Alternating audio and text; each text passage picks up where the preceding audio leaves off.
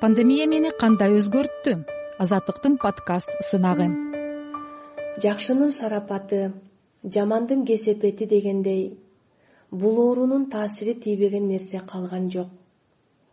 Көчтүн арасында менин да жашоомо болуп көрбөгөндөй бурулуш жасады. Жыйырма тогуз жыл жүрүп ушул жазда багым жолум ачылып жолдошум экөөбүз жыйырма сегизинчи мартка тоюбузду белгилегенбиз. Аңгыча болбой эл арасында күбүр шыбыр күчөп суук кабарлар аралай баштады. Күндөн күнгө баш тарткан коноктордун саны көбөйүп кыялдарыбыздын ташталканы чыкты. Эмне кыларыбызды билбей алдастап калдык. Акыры ушунча максат тилек каалоо болгон соң жыйырма үчүнчү мартта тымызын үйлөнүп алууну чечтик. Ошентип саналуу адамдар келип бирин экин туугандар конок тосуп качантан бери кыялданган ак көйнөксүз ыр музыка жаңырбай атүгүл кошунак олоңдордон жашынып ууру кылган адамча үйдөн узап баратканыма ушунчалык ичим ачышып ыза болдум. Келин болуп түшкөн үйдө да дал ушундай көрүнүш кайталанды. Тагдырыңа жазылган болсо качып кете албайсың да биздикиндей балайы эч кимде болбосо керек.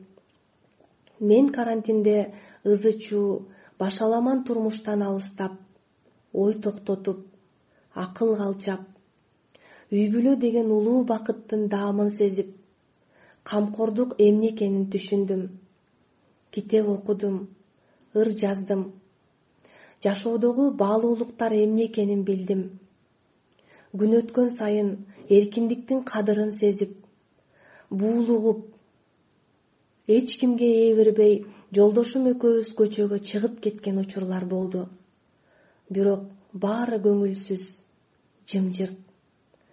Атактуу барпы акындын ала тоо көрүпкө келбейт эл болбосо деген ыры дал бүгүнкү күндөр үчүн жазылгандай сезилди. Өткөн күндөр бизге көп нерсенин кадырын билдирди. Миңдеген мекендештерибизден орду толгус улуу адамдарыбыздан айрылдык. Анткен менен күз келгенде күчөп аткан той аштар ысырап болгон тамак аш убакыт акча үгүт жүргүзгөн партиялардын бүтпөс убадасы тиреши ызы чуусу зээнди кейитет бизге коронавирус пандемиясынын кесепетинен башка дагы кандай сабак керек эле? Бүгүн да кеч эмес. Бетме бет отуруп бири бирибизге жылуулук мээрим берип жакшы энергия таратып жаркын келечек жөнүндө сүйлөшөлүчү. Оорудан оолак болуп бекем ден соолукта өсүп өнгөн мамлекетте ынтымактуу жашайлычы. Мен баарыңарды жакшы көрөм чолпон оразалиева пандемия мени кандай өзгөрттү? Азаттыктын подкаст сынагы